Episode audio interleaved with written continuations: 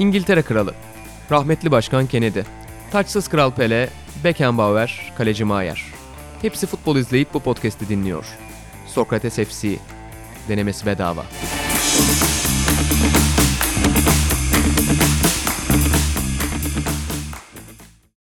Sokrates Podcast'in haftalık futbol programı Sokrates FC'ye hoş geldiniz. E, Rotasyon sancılarıyla boğuşan podcast'imizde bu hafta bu krizi fırsata dönüştürdük ve İlhan'ı da dinlendirerek bu hafta Emre Özcan ve Uğur Karakulukçu'yu stüdyomuza davet ettik. Podcast stüdyomuza hoş geldiniz arkadaşlar. Hoş bulduk. Ee, Sokrates FC'de bildiğiniz gibi hepimiz birer konu evimizden getiriyoruz ve bunlar üzerine konuşuyoruz. Bu hafta da aslında Burnley deplasmanı, öncesinde Stoke deplasmanının bir Sokrates deplasmanı ayağını yapalım dedik. Ee, şu an gündemde en sıcak gelişme herhalde Milan'daki antrenör değişikliği ve bugün Pioli'nin isminin gündeme gelmesi. Tabii ki bu konuyu da İlhan Özgen de olmadığı için vekaleten bir başka Serie A entuzyastı Emre Özcan'a soruyoruz. Emre nasıl değerlendiriyorsun bu gelişmeyi? Bir şey soracağım girmeden. Serie A diyoruz ya ben de Serie A diyorum. Bir de Serie A diyorlar yani daha böyle okuması gerekiyormuş gibi. Serie A Söyleyenler var aynen. Spikerler birkaç spiker arkadaşım böyle söyledi. Ben de çok garipsedim de. Ha, olabilir. Yani İtalyanlar sanki o kadar birleştirmiyorlar gibi ama önemli değil yani. yani. Ha Serie A, ha Serie A. Sonuçta artikülasyon ya da daha doğrusu kelimelerin okunuşu ayrı ayrı değişmiyorsa önemli değil fazla. Ben K'yara K'yer diyen insan olduğum için yani beni etkilemiyor. Ben yine aynı istediğimi söylüyorum da şey değil. Tamam Cem şu anda atlayacak sana. o yüzden ben direkt konuya geçiyorum. Geç geç. Yani bence skandal. Hadi skandal demeyeyim abi. Çünkü sonuç olarak ortada kötü bir oyun e, ve alınamayan sonuçlar var. E, ama yani şimdi Marco Giampaolo'ya dönüyorsan ve Marco Giampaolo'yu takımın başına getiriyorsan e, ne bekliyorsun ilk 7 haftada? O bence tartışmaya açık ola- olan konu. Yani bundan önceki teknik direktörlere baktığın zaman işte Gennaro Ivan Gattuso, daha öncesinde Filippo Inzaghi, daha öncesi vesaire. Giampaolo'nun oynattığı oyuna yakın bir oyun dahi yoktu. Ee, eğer Marco Giampaolo'yu e, tercih ediyorsanız takımınızın başına futbolun gittiği yönü, e, trendi ön plana alıp ona göre bir hamle yapıyorsunuz demektir. Ve bu hamle yaparken de hocaya biraz süre vermek e, gerekir bana kalırsa. Çünkü gerçekten biraz kendine az, nevi şahsına münasır bir futbol oynatıyor Giampaolo. Başlangıç çok kötü. 4 mağlubiyet işte dediğim gibi. Hatta 5. alabilirlerdi bu hafta. Cenova maçını izledim. İlk yarıyı geride tamamlıyorlar. İkinci yarının başında önce 10 sonra 9 kişi kalmasa Cenova. Tamam sonra Milan da atılmış. 10'a 9'a gelmiş e, denge ama e, muhtemelen orada yine bir mağlubiyet ya da bir puan kaybı daha gelecekti. E, ve baktığın zaman tamamen bir hayal kırıklığı ilk 7 hafta. Ama böyle derin bir mantalite değişikliğine gidiyorsan e, buna hazırlıklı olman lazım. Yani e, böyle bir durumun da önüne gelebileceğini e, ve ona göre de reaksiyon alabileceğini göstermen lazım. Ona göre aldığın reaksiyon teknik adamı kovup hemen başka bir hoca getirmekse o zaman e, yaptığın hamle tamamen boşa gidiyor ve resmen 6 ayı, kulübün 6 ayını hatta belki de bir sezonunu kaybetmiş oluyorsun. Şundan emin değilim ya. Şunun garantisini veremem ben. Gianpaolo'yu hep desteklediğimi e, söyledim. Gianpaolo kalsaydı Milan 2 sene sonra bambaşka bir yere gelirdi diyemem. Ama öyle bir ihtimal vardı E, ve öyle bir ihtimali sonlandırmak için 2 ay yeterli değil abi. Yani skandaldan kastım e, bu açık konuşmak gerekirse. Ya, umut veriyor muydu? Mesela umut vermiyordu belki de Milan'ın oynadığı futbol. Ama Milan'ın oynadığı futbolun umut vermemesi de ilk 7 hafta itibariyle, ilk 2 ay itibariyle çok değerli değil. 6 ay sonra vermiyorsa o zaman daha farklı bir değerlendirme yapılabilirdi ama bunu ben çok erken olduğunu düşünüyorum. Ee, ama işte abi İtalya'da Türkiye'ye benziyor bu konuda. Yani e, sezon başından beri ilk puan kaybı arkasından işte Udinese e, kaybıyla başlayan süreçte derbi kaybetti. Başka puan kayıpları. Arka arkaya gelince bunlar hemen Gianpaolo ile alakalı İtalya'da da Milan taraftarları da işim Gianpaolo büyük takım hocası değil. Gianpaolo Milan'ın e, hocası olamaz. Ya bu Türkiye'deki gördüğümüz reflekslere çok benzer taraftar reflekslerini gördük. Orada da çok yoğun bir baskı altında kaldı ve muhtemelen o baskının sonucu olarak da biraz Milan yönetimi e, böyle bir değişime gitti. Ama Bugün de kayda girmeden önce Stefano Pioli isminde anlaşmaya vardılar ve Evet bu- açıkladılar Hı hı, e, evet. Pioli'yi. Şimdi Pioli benim çok beğendiğim teknik adam. Bologna döneminden beri çok beğendiğim teknik adam. Lazio'da iyi işler çıkardı. Fiorentina'da fena değildi. İyi bir hoca ama yani şimdi yaptığın Gianpaolo hamlesini 7. haftanın sonunda bozma kararı alıyorsan ve takım başına Pioli'yi getiriyorsan o da başka bir sorun abi. Yani neyi Biraz değişti? kısa vade hocası değil mi? Ne diyorsun? Ya pragmatist bir teknik adam diyebilir miyiz emin değilim. Biraz hücumcu bir teknik adamdır o da ama hücumum Gianpaolo gibi topu alıp rakip yarı sahaya yerleşip Cüret- cüretkar bir oyun. Ha, daha hızlı bir, e, daha direkt bir hücum oyunu oynatmaya çalışır e, Stefano Pioli. Bunu başarılı da yapar Ama yani kısa vadede takımı canlandıracak olsa da uzun vadede Gianpaolo'nun sağlayamayacağı neyi sağlayacak? O konuda da benim soru işaretlerim var. Ayrıca kadro mühendisliği dediğin gibi biraz e, uçlarda zaten bir felsefesi olan bir teknik direktörken Gianpaolo. Onun üzerine e, ya Pioli belki pragmatist bir hoca olarak belki sana o sürede daha az hani daha az sancılı bir süreç geçirmeni sağlayabilir ama e, yine dediğin gibi transfer penceresine ihtiyacı olacaktır Pioli'nin de. Gerçekten bu haftalar özellikle de hani köşeli oyun anlayışları olan hocalara güvenen takımlar için yani 7. haftalar 8. haftalar biraz erken Yani en zor en zor bölüm bu zaten hani ilk adaptasyon dönemi. Ama bence yani bir de cüretkar bir zaten o yüzden getiriyorum. Cüretkar bir oyun oynamak için yani Milan'ı bir üst seviyeye atmak için üst düzey bir oyun talep ediyorsun. Sen o yüzden böyle bir hoca getiriyorsun. Ama bunu da sağlayacak oyuncu kalitesini de adama vermen lazım bence. Ya da şöyle söyleyeyim ben malzemenin hala yeterli olduğunu düşünüyorum, düşünmüyorum. Şimdi Benacer, e, Emre ile biz nerede konuşmuştuk onu? E, beraber bir muhabbet etmiştik. Benacer'in e, Burnley deplasmanında galiba hani sen A sınıfa aday bir oyuncu olduğunu söylemiştin ama bir, o ufak bir sakatlık vesaireden sonra bir türlü giremedi adam topa. Yanında Hakan oynuyor. Hani e, sonuçta milli takımımızın o, yani oyuncusu ki Hakan'la ilgili de konuşacağız benim bölümde. Yani de, sevdiğim bir isim ama şey değil. Yani oyunculuğunu Milan seviyesinde asla görmüyorum ve hiçbir rolde de yani forvet arkasında oynatsan, orta sahada da oynatsan ya da işte bir Pirlo rolünde denediler. geçen sene de Gattuso biraz olmadı. da kanatta kullandı. A- galiba. e, 4-3-3'ün solunda Evet, geçen solunda- sene kullanıldı. Leverkusen'de 4-2-3-1'in hem ortasında hem sağ. Ama hangi, hangisinde böyle tam kardeşim Hakan'ın yeri burası de- denildi. Ciddi bir soru işareti koyarım. Kesi 2 sene önceki halinden eser yok. Bir transfer olma ihtimali vardı olmadı falan. Onun da yani orta sahadaki senin ana kurgun omurgan hiçbirisi kendi ortalamasında değil bir kere. Savunma hattı desen yine benzer bir şekilde hani tamam bu ikili çok oturdu diyebileceğim bir savunma e, durumu da yok. Ön tarafa geliyorsun. Leao bence çok iyi bir transfer ki hangi hoca gelirse gelsin oynayacaktır. Bence hani e, nadir artılardan biri ilk dönem için. Ama Piontek onunla çok e, henüz %100 bir uyum sağlamıştı. Yani bu çift forvet birbirleriyle çok iyi anlaşıyorlar. Birbirini besliyorlar değil de hani hangisi tutturursa o iyi oynuyor gibi bir durum var. Yani oturmamış çok şey var. Pioli'nin önünde de ciddi bir sınav var. Ben sadece bunu hani hoca istediğini uygulatamadı deyip geçmenin doğru olduğunu düşünmüyorum. Milan biraz hani oyununa da uyumlu bir kadro yoktu adamın. Bence. Yani rakipleriyle yani Inter'le Juventus'la, Napoli'yle hatta La- Lazio'yla, Roma'yla e, direkt kıyaslanacak bir kadro olduğu kanaate değilim. Yani tek tek iyi gözükebilir ama oyuncuların performansları ve kısa dönemde ortaya koydukları da adamı ciddi şekilde zor duruma bıraktı.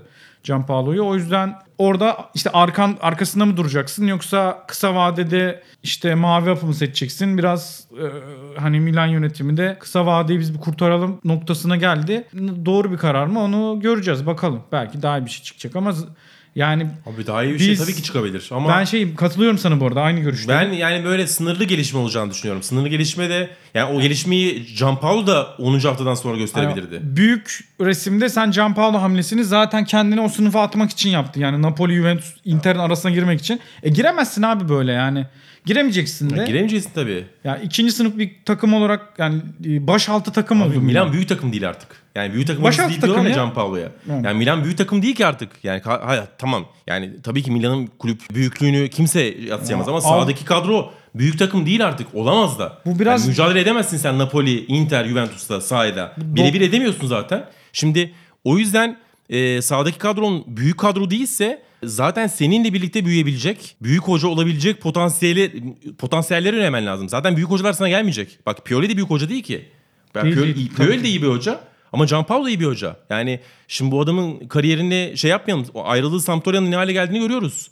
Ayrıldığı Empoli'nin ne hale geldiğini gördük. İç sahada Juventus'a her sene arıza çıkaran bir takım. Ha, tırmalaya tırmalaya yavaş yavaş bu adamlar bu seviyelere çıkıyorlar böyle emekli emekliye kazıya kazıya. Şimdi onu da 7. haftada sonlandırmak da hocaya da bence haksızlık biraz. Yani biraz daha zaman ver. Ver yani 15. hafta olmadı. 20. haftada 9 mağlubiyet almışsın. Yolla. Tamam. O daha anlaşılır olur. Ama bu çok yetersiz ve yani Milan'ın da e, dediğim gibi kendisiyle beraber yani hem kadroyu hem oyuncuları büyütebilecek hem de kendisiyle birlikte kadroya beraber büyüyebilecek bir hocaya ihtiyacı var. O e, profil Gianpaolo'ydu bence. Bak Pioli de yapı olarak o rolde.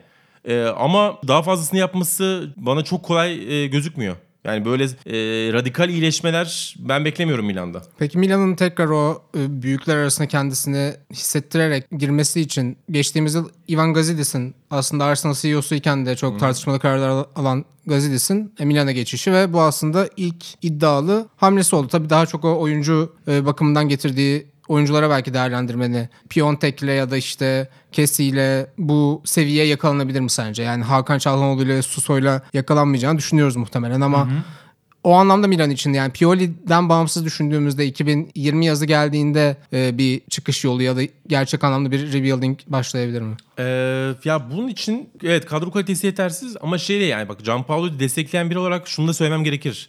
Ee, Gianpaolo'nun oynatabileceği oyunu bu kadro oynayamazdı. Çok doğru bir bakış açısı değil. Çünkü şimdi geçmiş sezonki Sampdoria'ya dönelim abi. Cay- Cayır cayır oynuyorlar mıydı? Oynuyorlardı. Sampdoria kadrosu çok üstün nitelikli bir kadro mu? Kötü bir kadro değil ama yani bu Milan'dan daha iyi bir kadro değil. Daha derinlikli bir kadro değil. Empoli'ye dönelim. Sarri'nin bıraktığı Empoli'ye cayır cayır top oynattı e, Gianpaolo mesela. Ve aynı baklava 4-4-2 aynı pas oyunu. Ya oynayabilirsin. Ya Milan'ın kadrosunu daha çok yetersiz demek için bence şu maçlar gerekli. Mesela Inter'e karşı kaldığı oynadığı maç yetersizliği gösterdi. Juventus'a karşı, Napoli'ye karşı ezilirse Milan dersin ki ya zaten yetersiz. Bunu ben de dedim Inter maçından sonra. Ama şimdi Genova gibi maçları, Parma maçlarındaki ya da işte yani örnek veriyorum Torino maçlarındaki e, kötü oyunu Milan kadrosu yetersiz üzerinden açıklamak çok kolay değil. Ama senin sorduğun soruya cevap kadro yetersiz tabii. Çünkü bakıyorsun işte ya Inter'e bak, e, şimdi tek tek oyuncu saymayacağım. Juventus'a bak, e, Napoli'ye bak, hatta bak Roma'ya bak abi. Profil kadro profili arasında çok ciddi fark var. Bu sezonki transferlere bakalım. Şimdi Rafael Leao evet en iyi transfer gibi gözüküyor. Ben tanımıyorum çok fazla. E, ama potansiyel 20 milyon euro verdi. Ve ya, yaptığı en pahalı transfer 20-24 milyon euro civarı e, olması lazım. Benacer 15-16 milyon euro. E, Theo Hernandez 20 milyon euro. Şey gelen oyuncular bunlar zaten. Kestin'in bonservisini e, aldılar. Zaten o şeydi e, hatırladığım kadarıyla. Obligasyon zorunluluk. Zorunlu bir alımdı. Onu saymayalım. E, diğer oyuncular işte toplam 3 oyuncuya falan 60 milyon euro para harcadı. Bak örnek veriyorum. Napoli, ya şimdi Lukaku 90'a veriyor demeyeceğim Inter. Napoli Hirving Lozano'ya 45'i bastı. Şimdi zaten bu transfer hamleleriyle, bu bütçelerle çok fazla şansın yok. O yüzden para harcamaya karar vermeleri lazım. Şimdi Leonardo var sportif direktör. Paolo Maldini takım sürecinde bir hayli yani yönetimde idari anlamda söz sahibi. Hatta Maldini'nin Gianpaolo'nun arkasında kalan tek isim olduğu söyleniyor. Ne kadar doğru bilmiyorum ama o da direnememiş anladığım kadarıyla. İdari kesin de e, idari yapı da bana çok şey gibi ideal gibi gelmiyor. Yani Leonardo'yu daha önce biliyoruz. Birçok yerde yaptı sportif direktörlük. Çok parlak işler gösterdi mi? Evet demek zor. O yüzden Paris ben Saint Germain dönemi falan. e, kısa vadede böyle önümüzdeki 5 yıllık süreçte Milan'ın oralara dönme ihtimalinin hele şu hareketlerle pek mümkün olduğunu zannetmiyorum. Uğur senin ekleyeceğin bir şey yoksa Ee, geçelim ama bir yandan da şey e, hani Liverpool'un şeyine benzetiyorum. Hani bu e, efsane Şampiyonlar Ligi öncesi dönemi gibi. Hani Avrupa kupalarında ülkenin en iyi takımı ama mevcut güncelde ciddi, çok ciddi problemleri var. E, onu aşmak için sanki bir hikaye yakalamaları gerekiyor. Belki bir Avrupa Ligi'nde bir devam etmek vesaire. Öyle bir şey yakalayıp bir motivasyon yakalarlarsa şimdi oyuncuları da ikna edemiyorsun. Abi başarısız bir hikayesin. Gelen oyuncu var mı Emre böyle hani Milan'a geldi kariyeri çok yukarı gitti. Yani Milan kendini bir basamak olarak da tanımlayamıyor. Yani oyuncuya en azından "Kar- buraya gelirsen burada gelişimini de kaydedersin. Büyük takım kültüründe alırsın ve başka bir yerlere gidersin de bu. Hani bir alt seviyeye inmek o kadar kötü bir şey değil. Ee, Liverpool bir ara bunu yaparak daha yakın dönemden bahsediyorum. Az önce söylediğim değil de işte e, Suarez'in Muarez'in gitmesinden sonra Liverpool'a şey gözüyle bakmaya başladı futbolcular. "Ya Ben buraya gelirim. Burada gelişimde kaydederim. Daha sonra Liverpool onu şeye dönüştürdü. Hani en üst tabakaya tekrar dönüp oyuncuların gelip kalmak istediği yer haline geldi. Milan'da şey de yok yani basamak olma id- iddiası yok. Oyuncuya bir vizyon vaat etmiyorsun. Yani burada e, şeyden de hep bahsediyoruz ya 2019 yılına geldiğimizde artık bugünün oyuncu neslinde e, antrenörün oyuncuyu ikna etmesi, oyuna ikna etmesi, o vizyonu Aynen. vermesi e, belki Gianpaolo orada hani tabii ki bir Klopp değil ama Liverpool'un bu tercihini Milan ölçeğine taşıdığımızda o cesur hareket olabilirdi ama e, biraz Gattuso'lar ya da öncesinde Inzaghi'ler biraz da Kenny Dalglish gibi camia çocuklarına dönüp yükselişte bir antrenör yakalama şeyi belki de. Hani belki o hikayeyi satmak çok doğru değildi. Abi biz çok kolay adapte olduğumuz için yani Liverpool deyince kafada başka bir şey oluşuyor. Çok uzak değil abi zaten adam hala oynuyor. Alexis Sanchez abi. Liverpool e, daha iyi para vermesine rağmen gitmedi abi Liverpool'a çünkü o seviye takım olarak Şampiyonlar Ligi takımı değil diye kale almamıştı mesela. Bunlar çok uzun, uzun uzak senelerdi. 4-5 sene öncesinin hikayeleri. Ee, işte e, teknik adamın önemi burada yani. Klopp'un dönüştürdüğü şey de orada. E, teknik adamını arkasında duramıyorsan e, Milan nasıl bir hikaye üzerinden kendini tekrar o seviyeye atacak? Hani çok da çıkış yolu görüyor değilim ben de. Ya son olarak e, sevgili İlhan Özgen de burada iki hafta önce bahsetmişti. Milan, Inter gibi kulüplerde hani o belki derbinin zamanlaması da Gianpaolo için çok iyi değildi. Bir de hiç e, rekabetçi kalamadan o maçı kaybetmeleri. E, hani buradan bağlayabilirsek de Conte'nin Inter'inin nasıl bir girizgah yaptığına dair sezona Ekim sayısında Emre Hoca'nın da güzel bir yazısı var. Onu da önermiş olalım ve pası İtalya'dan e, Almanya-Türkiye hattına Uğur'un konusuna atalım. Ee, milli takım arasındayız malum. Her zaman bir de milli takım araları genelde biraz gevşek geçiyor konu olarak ama bu sefer yine enteresan ve bence derinlikli bir konu var. Ee, Suat Serdar'ın Almanya'yı seçiş süreci. Yani ben oyuncuların hani tercihlerine her zaman saygılıyım. Herkes Türkiye'yi seçsin ya da seçmesin noktası benim için önemli değil ama seçiş sürecinde ciddi yine problemler yaşandığı söyleniyor ve bu biraz bana bir bak- bakış açısı gösteriyor. Çünkü Suat Serdar'ın konusuyla ilgili Şenol Hoca bir açıklama yaptı. Dedi ki biz görüştük. A milli takımında seve seve oynayacağını söyledi. Evraklarını bekliyorduk. İşte Almanya'dan bir talep gelince hemen apar topar Almanya'yı seçip bir şey yaptı. Biz saygı duyuyoruz ama bir beklemiyorduk dedi. Abi bu olay çok kısa süre önce Kerem Demirbay'da da yaşandı. Abi bir gariplik yok bunda Hatta bence. ya Çok normal bir süreç bana. Yani benim gördüğüm normal bir süreç. bence şey değil abi. Yani sana duyulan saygın azlığını gösteriyor. Çok da normal bir süre yani. Almanya'yı seçmesi normal. Ben niye Almanya'yı seçiyor demiyorum. Ama hep bir ikinci kapı olarak tutmayı da bu kadar göze sokmak ya çok hoş bir davranış değil. Kerem Demirbay'ın yaptığı daha da ağırdı. Çünkü ben Türkçe bilmiyorum beni kandırdılar falan filan deyip halbuki imza attı ve e, yani Türkiye'ye gelmek üzereyken evraklarını da yollamışken vazgeçip Almanya'yı seçmişti. E, ben şey değilim. Yani açık seçik ben Almanya'yı e, karşısına alıp yani ben Almanya'yı seçmeyi düşünüyorum. Almanya'dan bir teklif gelmezse şu tarihe kadar e, Türkiye'de oynamayı düşünürüm demek ayıp bir şey değil bence. Çok da normal bir şey. Eğer Abi bunun bir tarihi yok ki. E, var abi tarihi. Yani abi sen e, ben şey- seçtim seni deyip Şey diye yani bu bir futbolcu şey yapabilir mi? Yani 15 Mayıs'a kadar 15 Mayıs değil abi ben 1-2 sene beklemek istiyorum. Şu anda çıkıştayım. 22 yaşıma kadar beklemek istiyorum. O zaman seçerim. Yani bu, bu garip bir şey değil abi bence. Ama e, evraklarımı yollayacağım beni bekleyin deyip 15 böyle bekletirken Almanya ile görüşüp pat diye hiçbir şey söylemeden Almanya ile garip abi. Bu bir davranış bozukluğuna içerdiler bence. Şey değil yani. Aynı şey. Mesela Mesut'un seçiş süreciyle bunu aynı görmüyorum. Bir de zaten bir de Suat alt yaş milli takımlarında da hep Almanya'da oynamış bir oyuncu.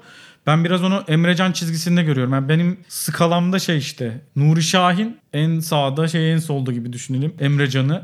Ee, şimdi Emre hardcore. Baba Alman alt yaş milli takımlarının kaptanı olarak oralara geldi. Efsane bir efsane değil de kendi adıma söyleyeyim. Yani benim için referans olan bir Eurosport röportajı vardı. Şey demişti yurt dışında işte böyle hani kısa programlar oluyordu ya o tarz. Hani şey orada da mesela babamın ülkesi diyor adam. Şimdi Emrecan orada.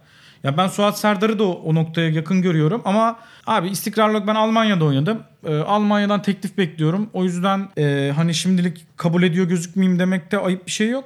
Yani çok özel örnekler olmadığı takdirde zaten artık üçüncü jenerasyon bir şekilde entegre olmuş insanların zaten hani bu tercihi yapması işte Ham- Hamit Altıntop gibi özel bir örnekten bahsedebiliyoruz. Nuri Şahin gibi. Yani bir onun dışında tekrarlanabilir bir patern var ama senin e, bahsettiğin gibi e, biraz bence Kerem Demirbay e, örneği Suat Serdar'a hani kötü anlamda bir e, bu iş böyle de götürülebilir yolu rotası çizmiş olabilir. Abi yani ya doğru göt yani e, biraz daha özenli olsa kendisi için yeterli olacak yani Almanya seçmesinde hiç kimsenin hiçbir problem yok. Adam zaten dediğim gibi bütün alt yaş kategorilerinde orada oynamış. Ee, ve dediğin gibi belki bunu biraz Hakan Çağlanoğlu'yla da genişletebiliriz. Gerçekten böyle hardcore istenip de Türkiye'yi seçen bence 3 tane net oyuncu var. Hani bir, bir iki tane daha eklenebilir dış halkaya ama Nuri Şahin Almanya gerçekten çok istedi 17 yaşındayken. Zaten 17 yaşında amilli yaptık adamı hani alabilmek için. Nuri Şahin çok istendi. Hamit Altıntop çok istendi. Ee, bir de şey kimdi ya? Hamit Nuri e, ve Hakan Çalhanoğlu. Hakan Çalhanoğlu aynen aynen. Belki Yıldıray falan daha önceden Ha aynen Yıldıray belki eklenebilir ama Yıldıray'dan %100 emin değilim. Yok, Almanya'nın o dönem kadar bir isteği ettim. yoktu. O ama daha çok çıkışını e, Türkiye seçtikten sonra yapmış oyunculardan bir tanesi. Ama bu üç oyuncu gerçekten istenip de Türkiye'yi seçen işte daha duygusal, daha e, kendini tamamen Türk hisseden oyuncular. Ama şeyi biliyorum mesela. Bu ayıp bir şey değil bu arada. Vereceğim örnek. Yani Türkiye milli takımında şu an oynadığı için hani yanlış anlaşılabilir diye söylüyorum. Mesela İlkay Gündoğan'la Cenk Tosun aynı takımın oyuncularıydı. Aynı Ümit Milli takımın oyuncularıydı. İkisi de Türkiye'ye gelmeye istekliydi. Mesela bu e, az önce söylediğime direkt örnek. Yani gelebilirim demiş ama Almanya'dan teklif gelince gelmiş demiş ki ben hani kendimi Türk hissediyorum ama Almanya milli takım benim için bir fırsat. Ben Almanya'da oynamak Ya istiyorum. orada bir kariyer tercihine dönüşüyor. kariyer tercihi. Bu arada aynen öyle. Tabii öyle Zaten olması hepsi kariyer gerekiyor tercihi artık. Artık gidiyor öyle zaten. Hepsi kariyer tercihi. Almanya seçmek de çok doğal yani. Daha orada 10 milli maç yapsam bile kariyerine çok ciddi katkı sağlıyor. Ya Mesut bence Özil- bunun en ekstrem örneği bugün geldiğimiz noktada hani İsviçre, Arnavutluk, Kosova hani ikilem de değil artık. Burada en kendisine güvenen oyuncunun İsviçre'yi zorlaması, en hani düşük profilli oyuncu da Kosova'dan ben bir milli takım oyuncusu yapabilirim kendini demesi gibi örnekleri çok sık görüyoruz artık. Aynen öyle. O yüzden dediğim gibi hani yargılamıyorum. Kariyer tercih olarak da çok doğru. Bu arada vermek istediğim örnek aslında İlkay'dı mesela. Cenk'e de teklif gelse Cenk de Almanya'yı seçebilirdi. Bu hakikaten ayıp bir şey değil. Ee, doğal bir süreç. Yani kariyeri içine daha faydalı. Bu tamam. Sadece biraz daha kendimize saygı duymayı sağlamalıyız bence. Yani gerçekten oyuncular artık saygı duyacak. Yani adam ikinci seçenek gibi de davranmıyor sana. Sana o dürüstlüğü de göstermiyor. Ya işte siz de bir şeyler yapın bakarız sonra gibi bir tavır var. Bu yanlış. Yani Suat'la Kerem'in gittiği yol o yüzden problemli.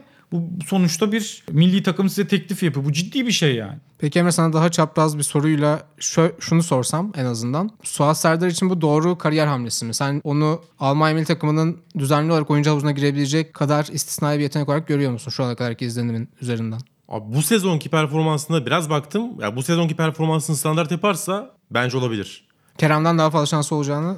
Ee, ya Kerem Ke- Kerem'i son böyle son 6 ay ya da son bir sezon çok dikkatli takip edemedim abi. Yani şu anki durumunu net bilmiyorum. Ama Suat Serdar çıkış yapınca biraz baktım. Şu, Suat şu anda komple paket gibi gözüküyor. Yani pas, top kazanma, e, topla mesafe kat etme, golcü başladı. 3 3 ya da 4 golü mü var orta saha oyuncusu için? 4-4-2'nin solunda oynatıyor onu. Ki Şarkı çok kısır bir takım ona Evet, rağmen. David Wagner e, mesela golcü bir performans başladı. Yani tabii böyle, bunlar böyle devam etmeyecektir büyük ihtimalle. E, bu saydığım özelliklerden biri birkaçı kısalır diye tahmin ediyorum. Ama bunu standart yaparsa oraya orası için aday olur. Aaron Ki- galiba bir Wagner takımında yine böyle sürpriz bir gol performansı olmuştu değil mi? Kimin? Aaron Muyun Huddersfield'daki ilk Ha sezon. evet evet doğru tabii. Fantezide herkesin adını hatırlıyorum. doğru doğru. Aynen. E, O yüzden o Geçen sezon değil ondan önceki sezon galiba. önemli bir şey. Ee, ama yani şu bir de şöyle bir avantajı da var. Şimdi bazı oyuncular yaşlanıyor e, Almanya milli takımında. Kedira belli bir yaşı aldı artık performansı düştü mesela işte. Ee, Toni Kroos yavaş yavaş yaşlanıyor. Performansı bundan sonra standart aynı standarta yakalanacak. Aşağı doğru inerken arkadan da gelen çok sağlam bir nesil yok. Böyle 19-20 yaşında bağıra bağıra gelen bir e, yetenek de yok. Bence hatta Almanya'nın alt yaş grupları biraz problemli yetenek havuzu anlamında. 7-8 sene önceki jenerasyon e, Leroy Sané'nin e, jenerasyonu işte o Max Meyer, Leon Goretzka, Timo Werner o jenerasyona dahil olmuştu. Öyle bir jenerasyon da yok alttan gelen. O Suat'ın düşüncelerini berraklaştırmış olabilir ama tabii kolay değil abi. Yani düzenli oyuncu olmak kolay değil. Çok zor abi. Mesela Ker- Kerem şey olarak sorayım. Kerem mi daha büyük potansiyel sence Suat mı? Şimdi Kerem biraz yaşlandı ama Ker- Kerem'in yaşı kaça geldi? Ya, ya şu an net söyleyebileceğim yaş değil Ya ama Suat Serdar o çünkü... kadar yaşlı bir oyuncu değil Kerem. 26 Yok, çok, civarı. çok yaşlı değil ama mesela Suat 22 yaşında. Abi Ke- ama bence Kerem daha özel yetenek bence. Ya, d- Ve iki, evet. iki, iki amili de kaldı abi. Doğru doğru. Hoffenheim'de izlediğimiz Kerem e, net bir şekilde çok komple bir oyuncu Hani orada. havuza atalım bakarız oyuncusu oldun. Ama havuza atalım bakarız oyuncusu olmak kariyer tercih olarak doğru mu deme diyor bence aslında. Abi şimdi bak, ben şöyle söyleyeceğim. Ben bunların spekülasyon yapılmasını çok yanlış buluyorum. Yani adamın tercihidir. Neyi istiyorsa onu yapar. Sana geliyorum der. Son anda tercih gelir. Değerlendirir abi. Yani değerlendirirsin. Almanya milli takımı bu. Yani dünyanın en büyük 3-4 milli takımından birinden bahsediyoruz. Ee, ortada imzalanan bir kontrat da yok. İmzalanan bir şey gösteren saygısızlık da yok. Ben şey Ker- düşünüyorum. Aa, Kerem Almanya- Bez var ben Türkçe bilmiyordum beni Ya kandırdılar tamam, diye demeç zor- verdi abi. Zor durumda kalmış. Biraz bahane üretmiş. Yani yapabiliyor abi futbolcular bunu. Bunlarla kulüpler arasında geçişlerde de yapabiliyor. Yani çok büyük anlamlar çıkarıp çok büyük sorunlar haline getirmemek lazım bence bunu. Ben başka bir şey söyleyeyim sana. Şimdi şey dedin ya bakış olarak biraz ikinci plan atma gibi dedin değil mi? Daha sonra bak ikinci planda olmak kabul edilebilir. Ama bu bir tık saygısızlık abi. Bu başka bir şey bence. Ee, Mesela Mesut Özil'in seçişinde hiçbir problem yok abi. Mesut Özil alt yaş milli takımda Almanya için oynuyormuş. Zaten Abi- Almanya istiyor. Ya geliyor- Almanya seçti abi. Bu saygısızlık kadar net yani. Değerlendirmeyelim ha. Geliyorum deyip son anda teklif alıp vazgeçen oyuncuya saygısızlık diye bakmayalım bence. Bak Kerem'in Abi- yaptığı öyle olabilir. Ortada mesela yalan söyleyip kendisini işte Türkçe e, dil bilmiyordum, şöyle oldu, böyle oldu, alakam yoktu deyip Mesela o alakasının ka- ortaya çıkması E- evrakı yollamış yani Kerem. ha, o olabilir. Ama o Suat'ınki de garip spesifik abi. bir örnektir o. Suat'ınki de garip. Yani evrak yollayacağım deyip mesela yani nezaketen adam televizyonu öğrenmiş Şenol Güneş. Yani bu garip bir olay. Anlatabiliyor muyum? Ben başka bir şey Ben söyleyeceğim seninle abi. mesela birebir konuşuyorum. Sana diyorum ki işte böyle seni milli takımda şöyle oynatacağım, böyle oynatacağım, burada oynatacağım falan.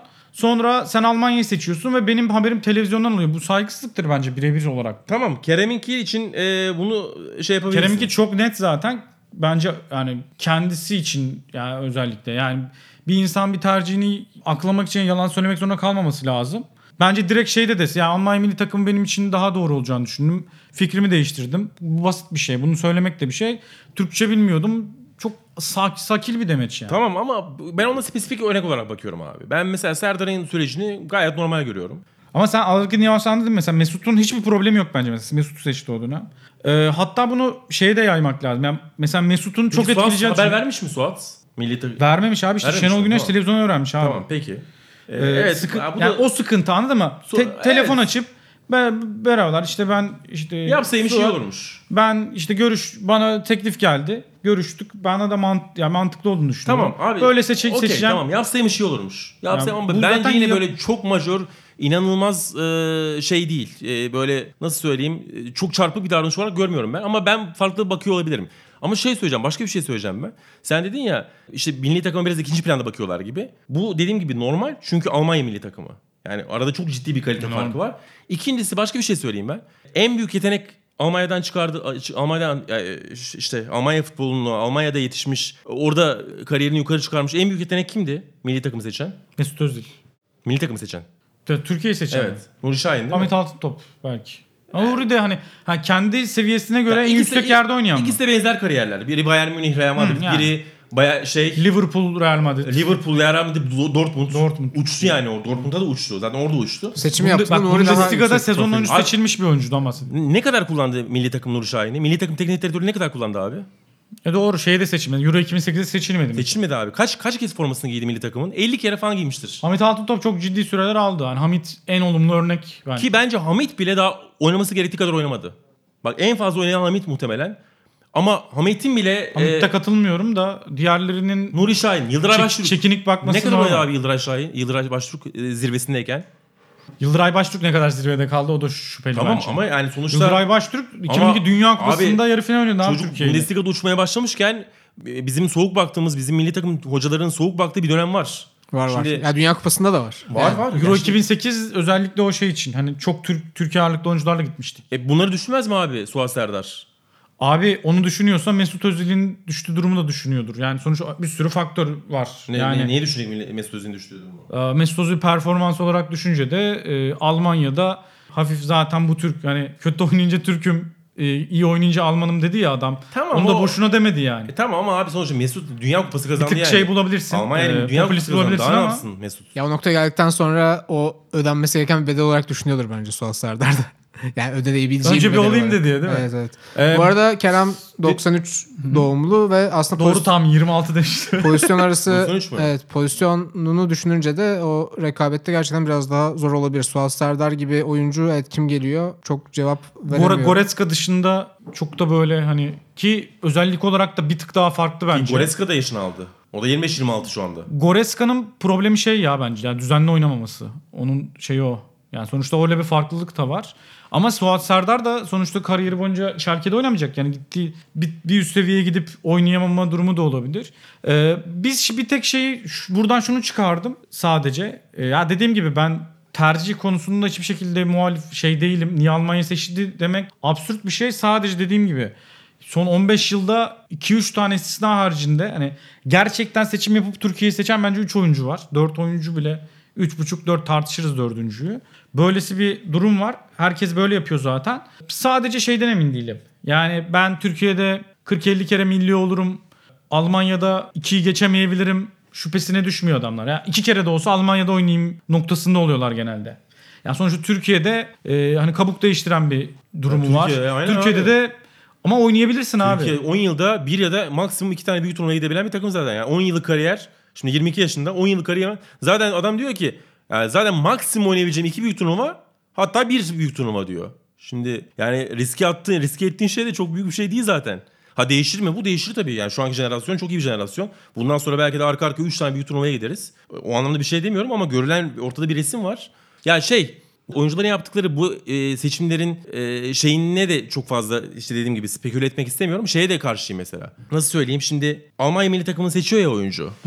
E, şey Türkiye'yi seç şey diyorlar. Ya zaten Almanya tabii ki orayı seçecek. Eğitimini orada aldı. Orada doğdu. Orada büyüdü. E, Almanya'nın her şeyine yararlandı. Gelip Türkiye'de mi oynayacak? Oynayabilir abi. Var mı hakkı oynamaya? Oynayabilir abi o, yani orada bütün eğitimini orada alıp haya- futbol hayatını orada geliştirip altyapı eğitimini orada alıp niye Türkiye'de oynayamasın ki? Dünyanın en doğal şeyi. Buna en net örnek işte Boateng kardeşler. Birisi Almanya'da oynadı, birisi Gana'da oynadı abi. Aynı ailenin Ama çocukları yani abi. bu bunun tamamen bir seçim nasıl olduğunu hissediyorsan öyle oyna. Bunun tamamen bir seçim olduğunu, kariyer planı, hissettiğin şey, onunla alakalı olabileceğini tamamen e, kabullenip biraz rahat bırakmak lazım. Sen oyuncuları. temel olarak speküle edilebilir bir şey olarak görmüyorsun bu Ya konuyu aslında. abi yanlış görüyorum. Yani Tabii. sürekli aynı şeyleri konuşuyoruz. Yani Mesut'ta da konuştuk, e, şeyde de konuştuk. Sürekli böyle bunun üzerinden bir oyuncu iki yılda bir bir milli takımı seçince aynı konuların ısıtılıp ısıtılıp Abi e, Mesut- insanlar öne gelmesini e, Bak Mesut hoş şey ayrı ya. Mesut konusu çok ayrı ama ya. Mesut konusu dünya hani hatta Almanya'da bence uzun süre en politik konuların bile başına geliyordu yani. Beyler yarım Küçük saat konu. oldu hala Manchester United demedik Çok, çok özel bir diye. yetenek abi. Bu kadar özel bir yetenek Özel, özel bir yetenek, özel bir kariyer, özel bir Tabii. milli takımı bırakış açıklaması. Öyle oyuncular iki kişi arasında kalınca Evet. hadise oluyor. Şey bir hadise oldu abi. Declan Rice bir hadise oldu. İrlanda Cumhuriyeti ile İngiltere. Evet. Yani Biz Ziya Şengül çıkışı yaptım ama hala Aa, Declan Rice konuşuluyor. bir, bir cümle söyleyip e, Tabii, tabii. vereyim. E, Bir de Ahmet Kutucu var çünkü. Ahmet Kutucu e, Suat Serdar'ın tersi sadece Türk milli takımlarında oynadı. E, Ümit milli takımın oyuncusu zaten. Ama Ümit milli takımda santrfor oynatılmıyormuş. Bak mesela bu da bu mesela daha kariyer odaklı bir şey. Oliver Bierhoff seni yani Almanya milli takımını seçersen hani istediğin pozisyonda oynatırız diye ikna etmeye çalışıyor. Hatta ailesiyle görüşecekmiş haftaya. Mesela onu kaptırmak işte o soru o zaman milli takım yetkilileri için eleştiri konusu olur. Yani çünkü çocukluğundan beri sende oynamış, her kademede görev almış oyuncu son ana geldiğinde Al- Almanya takımını seçiyorsa pro- Ya oyuncu bir problem de var. oyuncuyu kullanamayacağına dair bir izlenim bıraktığın için işte biz Nuri Şahin aynen. örneklerini işte kısmen Yıldıray Baştürk örneklerini yaşamışken o o şeyi de veriyorsun. O izlenimi de veriyorsun. Abi aynen bence hepsi spesifik e, şeyler, konular ve bence konuşulması gerekir. Yani Suat mesela kaliteli bir oyuncu. Hani Almanya'nın elinden almaya çalışıyorsun. Gelmemesi doğal. Sadece ben şey konusunu, iletişimsizlik konusunu e, sadece vurgulamak istedim. Ama mesela Ahmet'i Ahmet A milli ta- Almanya milli takımını seçerse bu Suat'tan farklı konuşulacak bir konu. Sen niye mutlu edemiyorsun? Alt yaş milli takımlarında liyakata göre bu iş olmuyor mu? Oyuncuya spesifik bir kariyer planı çizemiyor musun? Ya da A milli takıma sen şu tarihte oynarsın e, denilemiyor mu? Ya da mesela Enes Ünal A milli takımda Ahmet Kutucu'nun giremez mi diye. Ya bunların birçok boyutu var. Yani her oyuncuya ayrı değerlendirme yapmakta bence sakınca yok. Ahmet meselesi de bence önümüzdeki haftaların bir konusu olacak. çok güzel. Takipçisi ol abi o Bu zaman. mesela en çok hoşuma gelen şey oldu benim. Bilmiyordum ben e, bu hadiseyi. Ee, Santrfor oynatacağız demişler. Kaldı ki ben şeyi anlamadım abi. abi. Türkiye milli takımda yani her Mesela tam mevkide tersi olsa var. Türkiye'de tercih edebilirdi. Aynen. Ne güzel abi işte. Bunlar bunlar da çok bunlar daha da güzel. Bak Cengiz'in bak sağ kanadım var. For Yusuf Yazıcı var. İşte Abdülkadir Ömür var. Bir şekilde hani o santrforun arkasında üçlü gruba koyabileceğin oyuncular var. Orta saha tonla zaten. Stoper desen tarihin en iyi stoper rotasyonu belki. Çağlar, Ozan, Merih. İşte Mert Roma'ya gitti. Akışkanlar Bir mekaniği. şekilde daha giremiyor milli takıma. Hani bir şey var. İşte sağ bekte Zeki Çelik çıktı. Çatır çatır oynuyor Lig 1'de. Ee, ama Sol bek yok ama boş ver. Sol bek yok. Ee, kaleciler kalecilerimiz var. Bir de santrfor yok abi. Sen Ahmet Kutucu'yu nasıl kaptırırsın yani? Eğer bunun içinse spesifik. Senin aslında ona demen lazım. Hani A milli takımda senin santrfor oynatalım. Gel oyna falan diye. Ee, o yüzden e, Suat meselesi ayrı benim için ama Ahmet daha değerli bir konu. Onu da önümüzdeki artık o pod, Sokrates FC'lerde konuşursunuz Artık her diye yerde konuşuyorsun zaten düşünüyorum. Uğur Karakulukçu. Tam bir yerde konuşuruz Ahmet diyecekti. Kutucu dosyasını tam, açarsın. Bak, tam konuşuruz diyecekti. Programın daimi üyesi olmadığını hatırladım. Darbe darbe Konuş- yapıp indirdik zaten buraya. Ya. Konuşursunuz da çevirdi bence. Atahan ve İnan'ın e, askerlik süreleri belki bir revizyonla hiç öyle bir şey olmasını istemeyiz ama. bir klasik daha gerçekleşti. Balat'ta sen ben konuşuruz. Karakulukçu'nun e, konusu 20 dakikayı falan geçti galiba. yani evet United konuşacaktık. Ziya Şengül çıkışı da yaptı Paramparça ama etti yani. asla E, ciddiye Durmuyor abi alınmadı. adam. Hala Zeki Çelik gibi bir Kardeşim sağ bana- bekimiz var deniyor. Bana kronometre tutturma. Bakarım yani sen ne kadar konuştun ben ne kadar konuştum. Bence sen daha fazla konuştun. O zaman son gündemimizi açıyorum. Ee, yani 20 dakika oldu eleştirisini Kesinlikle- söyle yapacak kesinlikle- son insan. Kesinlikle ben Doğru değilim mu ama- kardeşim? Bak Sesçimiz de işaret ediyor sesçi ki de haklı diyor Karakulukçu adam. Ben mi daha çok konuştum? programı domine etmiş. Sayacağım ilk 35 dakikada. Bu rezil kim- adam gereken cevabı anında aldı ya. Teknik ekipten aldı Neyse cevabı. konuşuyor muyuz İnanılmaz. United'ı? Arkadaşlar ben e, gerçekten çok zor günler geçiren bir United taraftarıyım ve en azından bir, Abicim artık biz bırakıyoruz sen konuş. bir göm. yakarış, Bravo. bir sesleniş. Göm. Kızıl Şövalye Cem Pek doğru topa giriyor şu anda. Abi ben sezon başında bu arada Chelsea maçındaki o asla 4-0 olmayan 4-0 maçın etkisinden tamamen bağımsız olarak bu sezon bütün maçları izleyeyim ve aylık olarak da bir rapor sunayım. Nereye gidiyor bu United projesi gibi bir şeye kalkışmıştım. Tabii yani podcast Oydo. projesinin de çok e, beklediğimden, öngördüğümden daha yoğun olmasıyla bundan vazgeçtim ama e, en azından her maçı izlemek istiyordum. Ve Crystal Palace maçının galiba ilk yarısında bundan vazgeçtim. E, şu anda milli maç arasına girilirken de işte herhalde Unai Emery, Marco Silva ve Ole Gunnar Solskjaer koltuğunun e, ne kadar e, emniyette olduğu en çok speküle edilen adabasında 3 isim. Ama bunu O da basında değil sadece Sokrates camiasında Onur Erdem'in Emery'e yönelik şeylerini, çıkışlarını görüyoruz. Ya ama Arsenal'dan farklı olarak e, ya United'ın gerçekten şu an menajer üzerinden konuşma dönemlerinin çok geçtiğini düşünüyorum. Yani biraz geçmişe gitmiyor. Hep bunu Ferguson sonrası dönem olarak adlandırıyoruz. 2013'te Ferguson ayrıldı ve işte 4 tane kötü antrenör tercihi yapıldı deniyor. Hepsinin spesifik olarak yolunda gitmeyen şeyleri var. Tamamen farklı senaryolar, farklı hatalar yapıldı ama bir de bunu diyenlerin dışında benim gibi aslında bunu biraz daha ihaleyi Ed Woodward'a yıkan insanlar da var. Ama bu sezon özellikle düşündükçe bunun ya 2005'te Glazer'ların takımı satın almasına kadar giden ve işte biliyorsunuz ya Glazer'lar geldiğinde sportif öncelikli kararlar almadılar asla ve doğrudan çağı yakalamak verdiler. yani güvendikleri isim Ed Woodward bir JP Morgan'dan bir finansal danışman olarak önce dahil oldu. Sonra yükseldi yükseldi. Operasyonel kararlarda söz sahibi olmaya başladı. Ve 2013'te çok konuşulmasa da Alex Ferguson'la birlikte takımın aslında bu kararlarındaki iki sesten biri olan CEO David Gill de ayrıldı. E, Gill ve Ferguson ayrıldığında ki Gill de aslında bir finansal planlama üzerinden 90'ların sonunda kulübe dahil oluyor ama ya biz aslında 2000'lerin ortasında çok yani biz diyorum United'a. United aslında 2000'lerin ortalarında da çok tartışmalı kararlar alıyordu. Hani bir dönem Mendes'e fazla arkasını yaslamıştı. Nani Anderson'larla başladı. Sonra işte hiç açıklanamayan bir 7 milyon poundluk bebe transferi yapıldı. İşte ki oyuncu bir sene önce işte Evsizler Dünya Kupası'nda oynarken yine böyle çok Mendes'in imzası olan hani Beşiktaş taraftarları da belki Julio Alves'ten ya da Sidney'den bilir. Böyle bir sezon içinde 3 tane transfer yaparak hani CV'si geliştirilerek United'a pazarlanmıştı menajerler olması gerektiğinden daha fazla söz sahibiydi. Ferguson ve Gill çok modern bir şekilde bir modern bir scouting'in ürünü olan kararlar almıyordu. Çok iyi bir karar verme süreci yoktu. 2010'lara gelindiğinde işte Uğur'la yayın öncesi konuşuyorduk. Ya gerçekten 2013'te Emre'yi beklerken çok zamanımız oldu.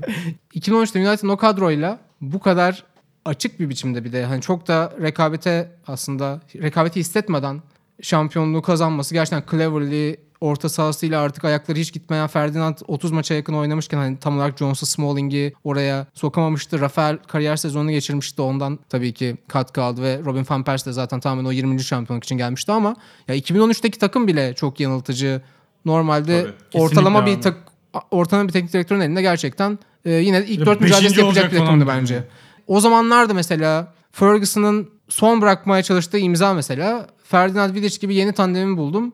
Phil Jones'a Chris Smalling'e iki üst üste transfer penceresiydi galiba. Bir kış transferinde bir yaz transferinde toplam 40 milyon pound'a yakın para verildi. Bonservis ödendi ki yani iki savunma oyuncusuna 40 milyon pound bugünün karşılığı belki 100 milyon pound. Doğru, yani doğru. Maguire, Van Bissaka transferinden çok farklı değildi ve Van Dijk'ın bir, bir, bir tık altı falan yani. ve tamamen hani global ölçekte bunların muadili düşünülmeden, bunlara alternatifler yaratılmadan işte Phil Jones böyle biraz kilolu bir John Terry olarak düşünülüyordu Blackburn'dayken. Chris Smalling de kafasını yeni uzatıyordu Fulham'da. Rezervlik maçına beğenmiş galiba. Olabilir. Ama gerçekten United 2000'lerin başından itibaren alabiliriz belki bu süreci. İşte Rafael Varane'la görüşme ayarlayamayan, Real Madrid'den kapamayan bir takımdı.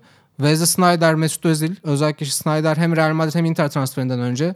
Mesut Özil de Real Madrid transferinden önce United'ın ciddi ilgisi olan ve daha büyük hedeflere ihtiyacım vardı. Yani finansal büyüklük olarak, bir marka büyüklüğü olarak sen Real Madrid'in yıllardır üzerindesin ama rakip bile değilsin transferde. Bu en son galiba örneği de şeydi. 2012 yazında Lucas Moura için Paris Saint Germain, Inter ve United devreye girdi. United Ferguson ciddi olarak istiyor son sezonunda ve Paris Saint Germain tercih etti. Daha başında olan bir projeydi yani. Evet. Gelişiminin başında olan bir projeydi ve o zamanlarda aslında zaten biz United transferde aktör değildi. Ve ben Woodward'ın aslında e, Gil sonrası kararlarda birinci söz sahibi olunca bu e, şey algısının yararlı olabileceğini düşünüyordum. Biz en büyük futbol endüstrisinin yarattığı en büyük markayız. Ona göre gidip bazı oyuncuları gerekirse overpay ederek almalıyız. Çünkü onun karşılığını yapabileceğiz. Yani bu bence Angel Di Maria transferi tam bir Woodward'ın imzasıydı. Sonra Alexis Sanchez takip etti belki ama buralarda işte bugüne geldiğimizde Solskjaer mesela Woodward'a kesinlikle doğru bir partner değil bu karar süreçlerinde. Çünkü mesela Cardiff'te de kötü kadro kurmuştu Solskjaer. Yani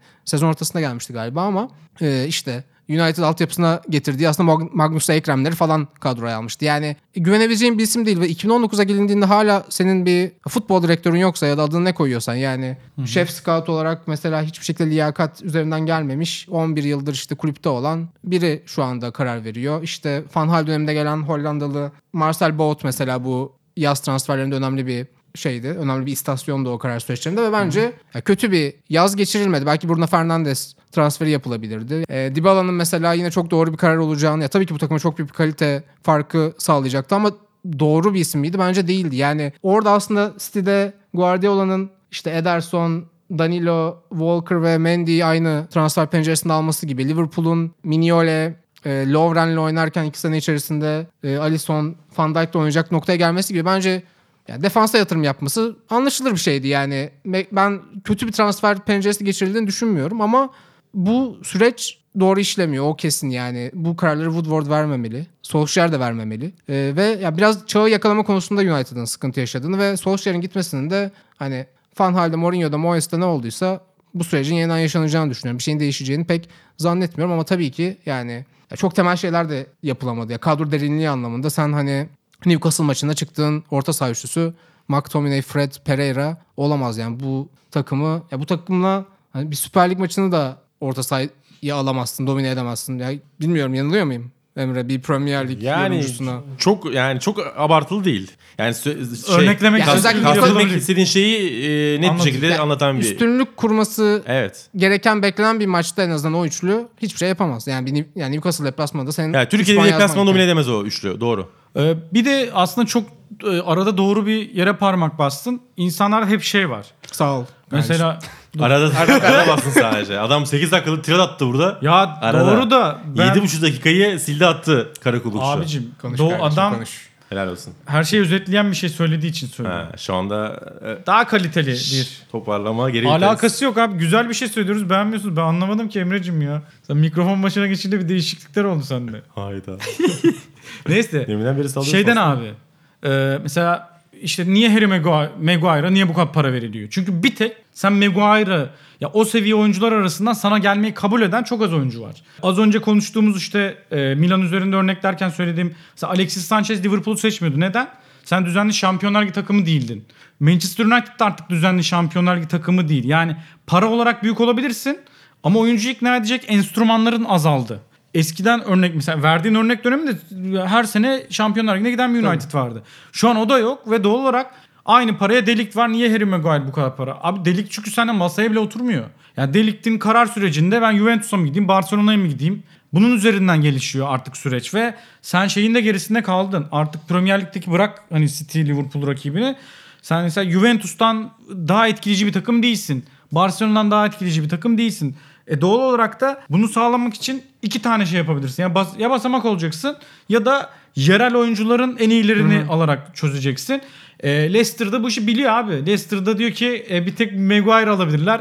Ben 80 isteyeyim diyor abi. Şey demiyor yani. Benim oyuncum e, işte 60'ı geçmez. Ben 60'ta kalayım. Hakkaniyetli olan mı demiyor. ya hem- Overpay yapacaksan yap diyor Ya yani. Bu arada hem yerel piyasa hem de uluslararası scouting anlamında da yani Leicester'ın ben az önce saydığım orta saha üçlüsüne karşısında mesela Ndidi, Madison, Tielemans'ı koy. Yani ya United'ın bunları yapabilecek ya bu isimlerin aday olmaması bence asıl Callum problem. Wilson'ı da işte isteme durumları varmış. Ee, o da mesela tam buna uyuyor. Yani sonuçta Juventus, Barcelona Callum Wilson'ı ister mi abi?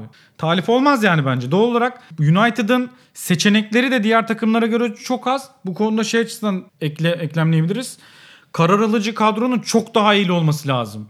Yani Juventus'un Barcelona ya da diğer e, takımların karar alıcılarından da daha iyi olması lazım ki senin sonuca gitme onlara yaklaşman mümkün olsun. Son olarak e, Solskjaer üzerine de yani sonuçta Solskjaer üzerinden konuşuluyor şu anda ne olursa olsun. Ben genel bir tablo çizmeye çalıştım ama Emre'nin görüşlerini merak ediyorum ufak da olsa.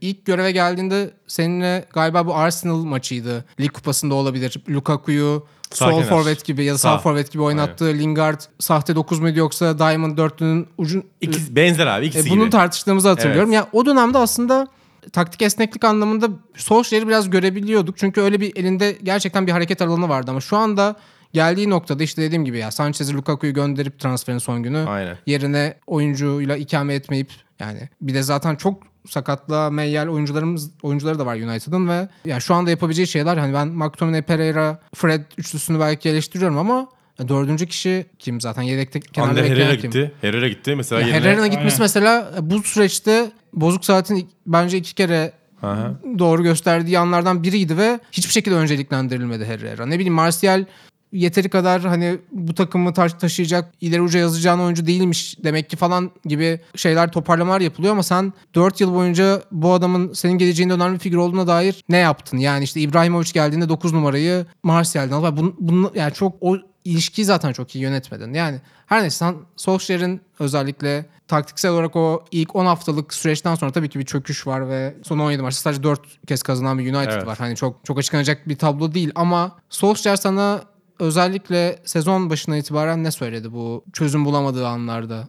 Ya çok iyi şeyler söylemedi tabii. Yani e, sezon başından beri puan durumunda işte ilk 8 haftada elde ettiği e, grafiği savunamam. 17 maçta 4 ma- e, e, galibiyeti savunamam. Bunları savunmak çok kolay değil. Ama şunu söyleyebilirim. Gelir gelmez ilk 12 maçta o 10 galibiyet 2 beraberlik sürecinde ortaya koyduğu şeyler bence çok değerliydi. E, Pogba'yı önce 10 numara yapıp e, ondan performans devşirip sonra 8'e çekmesi. İşte o baklava 4-4-2 ile e, sahte 9'lu 4-3-3 Tottenham karışımı. maçı vardı bir de. Efendim? Tottenham maçı vardı bir de. Aynen. Aynı şekilde. Aynen öyle. Yani Lingard böyle e, rakibi karşılarken öne çıkıyordu. Öne çıkıyordu ve forvetler kenara açılıyordu. 4-3-3 gibi oluyordu takım. Pogba, Solic, işte sağ içte başka bir oyuncu. Herrera genellikle. Savunma önünde Matic. Öyle bir düzen oluyordu. E, ama topu aldığı anda Lingard kendini geriye atıyordu. Orta sahayı dörtlüyordu ve kenardaki oyuncular da forvet haline dönüyordu. Böyle enteresan bir geçişti o gerçekten. Yani ne baklava 4-4-2 diyebilirim ne klasik bir şey sahte 9-4-3 diyebilirim. Geçişler sağlayan bir takımdı o, o anlamda savunma hücum arasında. O mesela beni etkilemişti. Çünkü ondan e, şey performans devşirdi. Lukaku'yu sağa attı. O Arsenal maçı benzer şekilde. Bir büyük maçı daha Lukaku yine sağda kenarda e, değerlendirerek oynadı. Tottenham maçı olabilir mi? Emin değilim ama bir büyük maçta Tottenham da değildi galiba. Değildi Tottenham'da galiba doğru. kenardaydı. Lukaku'ya öyle bir rol biçti mesela. Sonra üçlü savunmaya döndü. Mesela Barcelona'ya karşı başarılı olamadı ama bir üçlü savunma denemesi yaptı. Messi'yi e, ekstra bir stoperle birebir eşleştirip daha geniş alanda savunma yapmaya çalışan bir takım. E, orada oyuncu tercihleri mesela önemliydi. E, yanlış hatırlamıyorsam Dalo'yu bir ma- ilk maçta sağ kanat beki, ikinci maçta sol kanat beki olarak kullandı. Yani bunlar taktik anlamda beni keyiflendiren şeylerdi. Bu sezon ya, ya da geçtiğimiz sezonun sonuyla beraber ne geriye gitti? Abi şey çok önemli faktör. Bak yani Lukaku'nun kaybı bile Alexis'i hadi saymıyorum. Çünkü o rotasyon parçası değildi. Ama Lukaku'nun kaybı 90 milyonluk bir oyuncu satıyorsun. Yerine oyuncu koymuyorsun. Ve şöyle Lukaku dar alanda oynama becerisi olan tek santrforuydu ya da tek forvetiydi e, United'ın. Yani sırt dönük oyunu var Lukaku'nun abi. Lukaku pas bağlantısını yapabiliyor. Hiç Derin- öyle bir oyuncusu yok şu anda. Yok. Yani Rashford alan Greenwood istiyor. dahil. Aynen. Martial alan istiyor. E, Lingard alan istiyor zaten. e, yeni gelen Daniel James, alan isteyen bir oyuncu. Sıkıştırırsan oyunu Daniel James bir şey ortaya koyamaz. Öyle bir kalitesi yok şu anda. Ha keskinleştirebilir bazı yeteneklerini. Ya o zaman United'ın performans vermesi için bu Chelsea maçındaki gibi çok geçiş takımına inanılmaz ideal bir ortam oluşması gerekiyor. Tabii aynen öyle. Ve oyunu sıkıştıran takımlar United'a karşı derinde bekleyip %30 %25 oynayan takımlar sürekli sorun çıkartıyor United'a. Son şey Newcastle maçı dahil olmak üzere. Evet. Ee, şimdi bu o- teknik adamın elindeki şeyleri, opsiyonları sınırlayan şeyler. Ha tamam. Hal böyleyken United kadrosu bu kadar düşük puanda kalacak bir kadro mu? Muhtemelen değil. Daha yukarıda olması gerekir. O anlamda Solskjaer'e bir şey yazabilirsin. E, eksi yazabilirsin ama Solskjaer bu takımla sadece bir transfer penceresi geçirdi. Ee, daha fazla transfer penceresine, daha fazla transfer ihtiyacı var.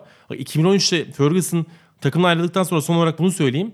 2013'ten itibaren 2019'a kadar City ile United'ın harcadıkları para birbirine çok yakın abi. Biri 1 milyar dolarsa diğeri 850 falandır. Biri 100 ise diğeri 900'dür. Çok yakın paralar harcanıyor. Ama ortaya çıkan kadro kalitesi arasındaki fark ne abi? Ee, Rafael Benitez bir yazı yazdı Atleti'ye. Yanlış hatırlamıyorsam orada kullanıyor o cümleyi. Herkes City'ye çok para harcıyor diyor. Ama e, kesinlikle doğru değil. City kendi yapısına en uygun oyuncuları transfer etmesiyle aslında başarıyı ortaya koyan bir takım diyor. Hakikaten öyle. Yani dediğim gibi iki takımın da harcadığı paralar birbirine yakınken United şu anda bir çöplük gibi görünüyor ve City dünyanın en iyi birkaç kadrosundan biri olarak ortaya çıktıysa yani sadece para harcıyorlar e, yaklaşımıyla City'yi eleştirmek de çok doğru değil. Çünkü harcayıp da başaramayan e, United da var, Paris Saint Germain de var. Başka takımlar da var. Yani her para harcayan sonuç olarak City'nin dominasyonunu kendi liginde ortaya çıkartamıyor. Ee, bu United'ın net başarısızlığı City'nin de net başarısı bence. Emre Özcan, Uğur Karakulukçu çok teşekkür ederim bu Sokrates deplasmanınız için. Emre Özcan'ın her hafta pazartesi günleri Sokrates YouTube kanalında Tardini Büfe programını izleyebilirsiniz. Aynı zamanda Emre ile Uğur da çeşitli mecralarda sık sık zaten yan yana gelip yorumlarını paylaşıyorlar. Günümüzün çoğunu birlikte geçiriyoruz artık. Öyle bir durum da oluştu. Aslında bir Emre Maalesef. Özcan Orkun da yemek yiyeceğim. Ne yazık ki öyle oldu. Emre Özcan Orkun Çolakoğlu ilişkisi vardı. Emre'nin hayatı için çok hani standarttan aşağıya çekildiği bir yıl oluyor diyebilir miyiz? Hayda. Cem Pekdoğru'nun e, aslında şu an Balat'ta gibi hissettim. Balat'ta da böyle şeyler var. Balat'ta bu yönümü daha sık gösteririm. Yok. Sen az önce Orkun'a mı salladın Uğur'a mı anlamadım ben. Bana ha, Uğur'a salladın tamam. Tabii. Uğur'cum, diyor ki teşekkür Orkun ederim. Çolakoğlu'ndan Uğur Karakulukçu'ya düştün diyor. Ben tercüme edeyim. Ben Yok, yorum öyle yapmıyorum. ben yorum yapmıyorum konu- konuyla alakalı. Ee, kamuoyunun takdiri. Uğur bugün çok konuştuğu için biraz bilenmiştim.